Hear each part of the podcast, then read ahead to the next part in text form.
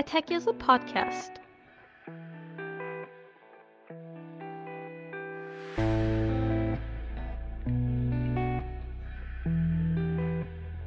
Sosyalist feminizm ve feminizm diğer növleri Linda Napikoski'nin yazdığı ve Attack yazının tercüme ettiği məqalənin ünvanıdır. Mən Türkan Bozgurd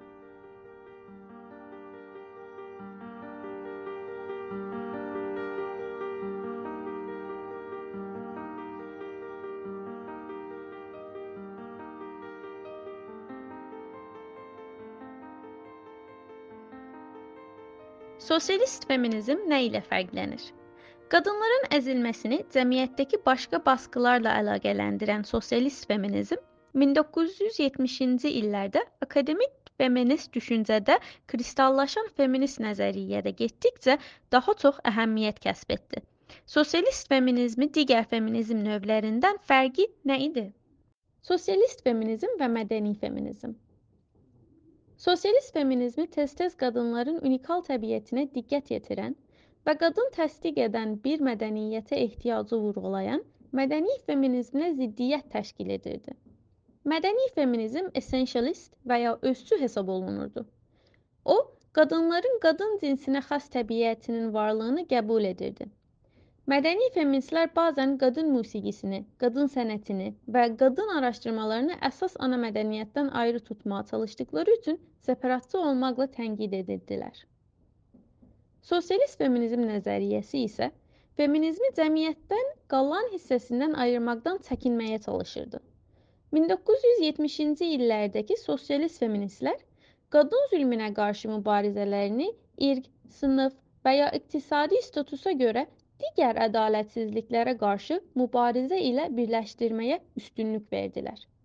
Sosialist feministlər kişilər və qadınlar arasındakı bərabərsizliyi düzəltmək üçün kişilərlə işləmək istəyirdilər.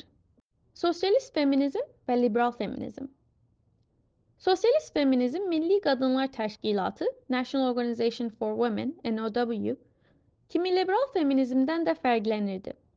Liberal anlayışı illər keçdikcə dəyişdi Lakin qadın azadlıq hərəkatının liberal feminizmi hökumət, hüquq və təhsil də daxil olmaqla cəmiyyətin bütün qurumlarında qadınlar üçün bərabərlik istədi.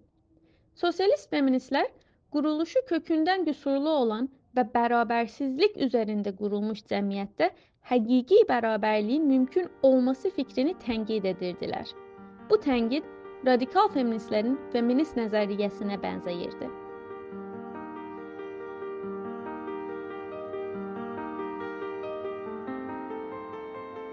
Sosialist feminizm və radikal feminizm. Bununla bərabər sosialist feminizm radikal feminizmdən də fərqlənirdi. Çünki sosialist feministlər qadınların üzləşdiyi cinsi ayrıseçkiliyin bütün zümlərinin mənbəyi olduğu radikal feminist anlayışını rədd edirdilər. Radikal feministlər tərifə görə hər şeyi kökündən dəyişdirmək üçün cəmiyyətdəki zülmün kökünə enməyə çalışırdılar. Kişilər üstünlük təşkil etdiyi patriarxal cəmiyyətdə onlar bu kökü qadınların əzilməsi kimi görürdülər. Sosialist feministlər isə cinsə əsaslanan zülmü daha çox mübarizənin bir parçası kimi təsvir edirdilər.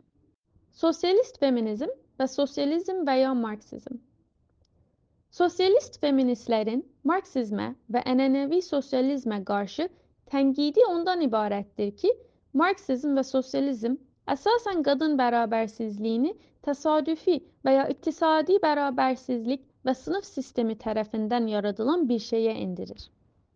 Qadınların əzilməsi kapitalizmin inkişafından əvvəl də var olduğu üçün sosialist feministlər qadınlara zülmün sınıf bölgüsü ilə bərabər yaradıla bilməyəcəyini iddia edirlər. Sosialist feministlər həm də iddia edirlər ki, qadınlara edilən zülmü ortadan qaldırmadan kapitalist iyerarxik sistem dağılmayacaq.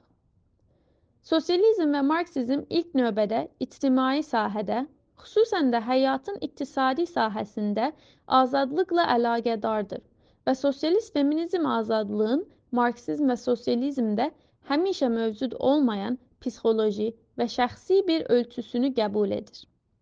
Bu, Marksizm və sosializmdə həmişə mövcud deyildir.